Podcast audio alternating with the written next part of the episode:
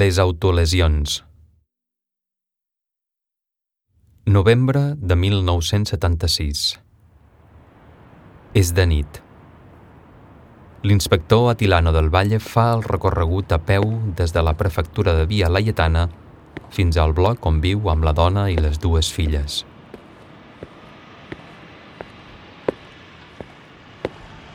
Camina encongit dins la caçadora. Amb una mà aguanta la cigarreta i amb l'altra juga amb la goma de pollastre que es fa passar entre els dits. Els pocs taxis que circulen deixen un rastre de fum. L'inspector mira d'esborrar els crits de l'interrogatori del qual ha estat botxí fa uns instants i que, com ha passat en altres ocasions, se li ha escapat de les mans. Creia que ho tenia a prop, que el detingut, militant d'un comando anarquista, acabaria cantant. ¡Habla! Bramava l'inspector mentre recargolava les nances de la bossa de plàstic amb què l'ofegava. Al final el coll ha cedit i el cap del militant anarquista s'ha decantat endavant amb tot el pes. No ha servit de res intentar reanimar-lo a base de bufetades i galledes d'aigua. El detingut ha fet cap a l'hospital i, segons l'informe, conseqüència d'un seguit d'autolesions per intentar llevar-se la vida. Un cop arriba, travessa el portal, agafa l'ascensor i compta els sotracs fins al vuitè pis. S'acosta a la porta, es canvia la cigarreta de mà i treu les claus de la caçadora. Obre i entra. Sent la tele i la campana extractora. La dona cuina llibrets de pernil dolç i formatge arrebossats i les nenes, al menjador, miren un concurs i fan deures al mateix temps. L'inspector Atilano passa a l'habitació de matrimoni i es disposa a treure's la indumentària. Desenfunda l'arma de sota l'aixella, la deixa sobre la tauleta de nit i es posa les mans a les butxaques. D'una en torna a treure les claus, que fan cap al costat de l'arma, i de l'altra, la bossa de plàstic que ha fet servir per a l'interrogatori i que ha oblidat llançar a les escombraries de la prefectura. Subjecta la bossa amb les dues mans, la recargola i la fa girar com si fos una pilota. És una bossa ben normal, del supermercat Spar, però l'inspector Atilano del Valle pensa que convindria fer-la desaparèixer perquè el blanc no és prou opac i deixa veure les taques de la sang del militant anarquista. Se la torna a posar a la butxaca, es treu la caçadora, la camisa, els elàstics i els pantalons i ho penja tot a l'armari, malgrat que la dona el té avisat que primer ha d'airejar la roba. L'inspector Atilano entra a la cuina. La dona li parla, però amb el soroll de la campana extractora no l'entén. La dona li ho repeteix. Que la cena ya está. L'inspector va cap al menjador i s'adreça a les filles. Niñas, la mesa. Les nenes, obedients, pleguen el quadern i l'estoig sense apartar la mirada de la tele. Tots quatre seuen a taula. L'inspector agafa el ganivet del pa i just en aquell moment surt al parte la notícia de la detenció del militant anarquista que ha passat en mans de la Brigada Político-Social de Barcelona. La dona, que no presta atenció a la tele, s'adreça a l'inspector i li diu que ja comença a ser hora de canviar la samarreta Imperi, que la du plena de taques grogues. ¿Qué más da si es para andar por casa? Respon ell. Tot seguit ella li demana si ha estès la roba al celobert perquè s'airegi. No. Diu.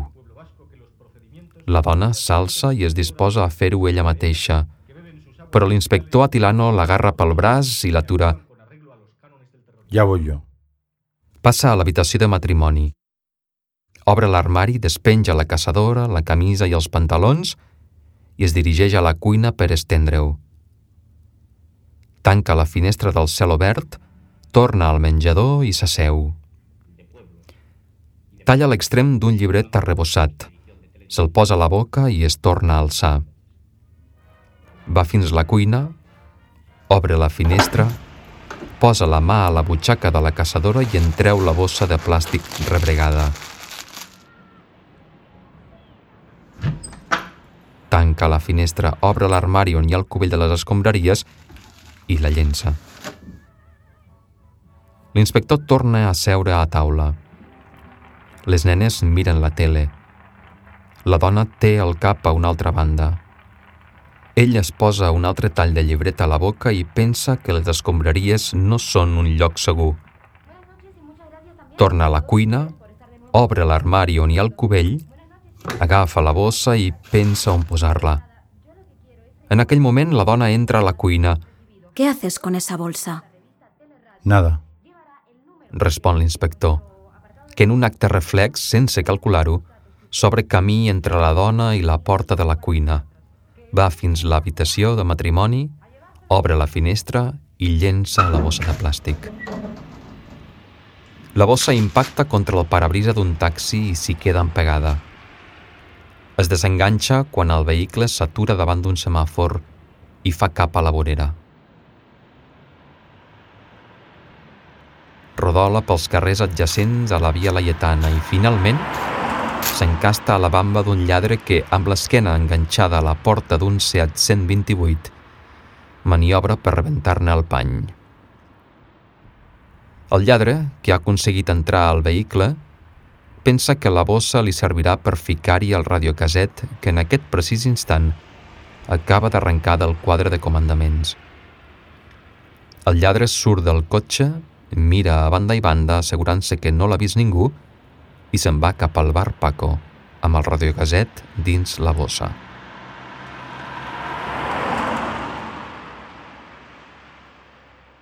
Entra al bar. El Paco el saluda amb el cap. L'ambient és tens. Una parella d'agents prenen una canya a la barra i esperen una comanda d'entrepans. El lladre s'asseu a l'altre extrem de la barra i, dissimuladament, i deixa la bossa de l'espar amb el radiocaset.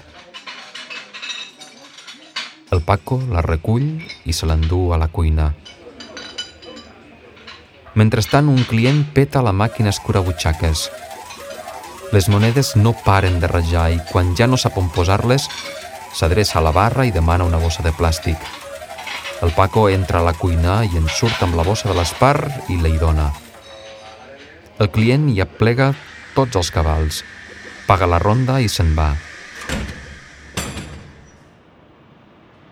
Però quan passa vora una església li ve al cap sa mare, morta fa poques setmanes.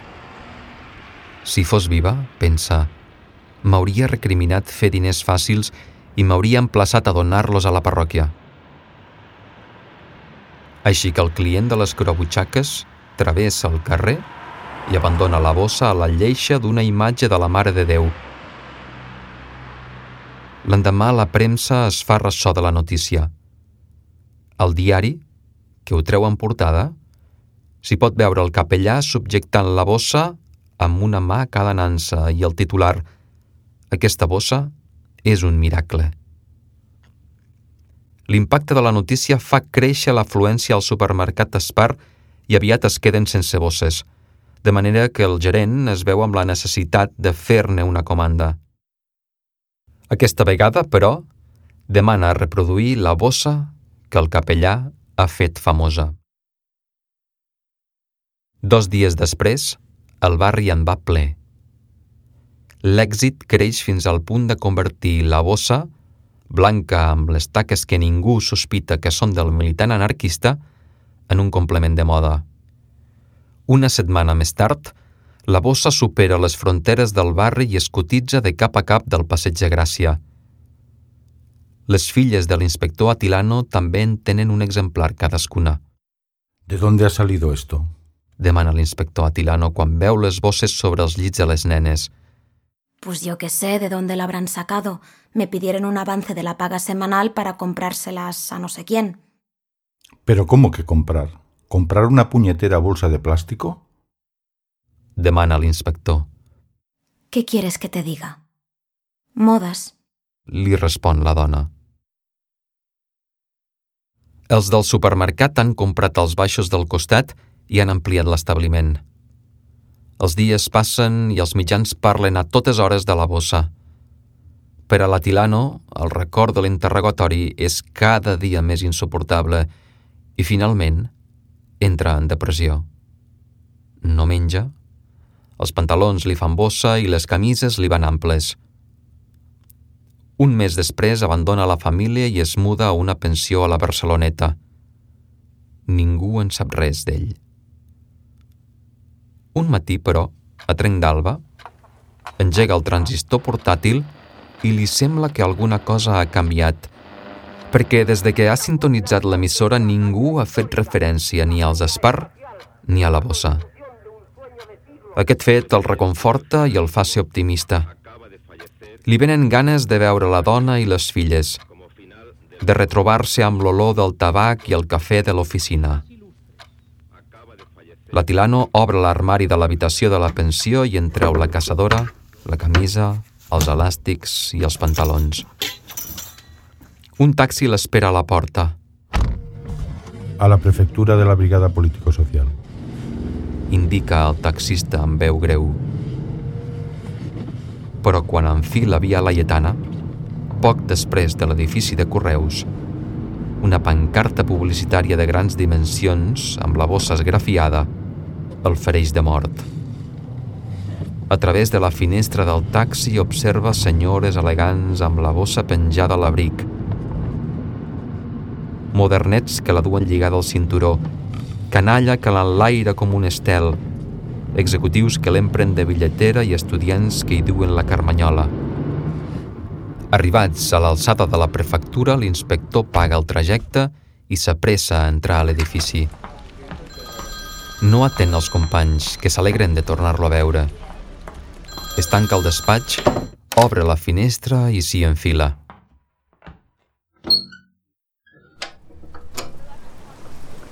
Ha començat a fer quatre gotes.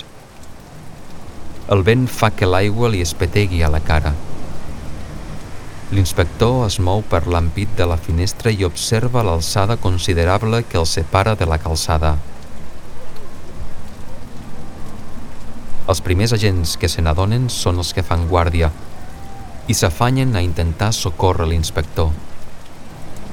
A les portes de la prefectura cada vegada s'hi concentren més agents. El coronel Perote es fa dur un megàfon i s'adreça a l'Atilano. Atilano, coño, haz el favor. El coronel Perote apaga el megàfon i tothom calla. L'inspector deixa de mirar a la calçada i ara fixa la vista a l'horitzó. Una bossa enduta pel vent se li enganxa al peu esquerre. És una bossa de l'espar d'un color blanc que no és prou opac i deixa veure les taques de la sang del militant anarquista. L'inspector tira cosses a l'aire per desempallegar-se de la bossa, però rellisca i cau al buit. És en aquell moment quan la bossa passa del peu a la cara, que es petega contra un cotxe patrulla. Mentrestant, a l'hospital, un ferit greu que s'havia autolesionat desperta del coma.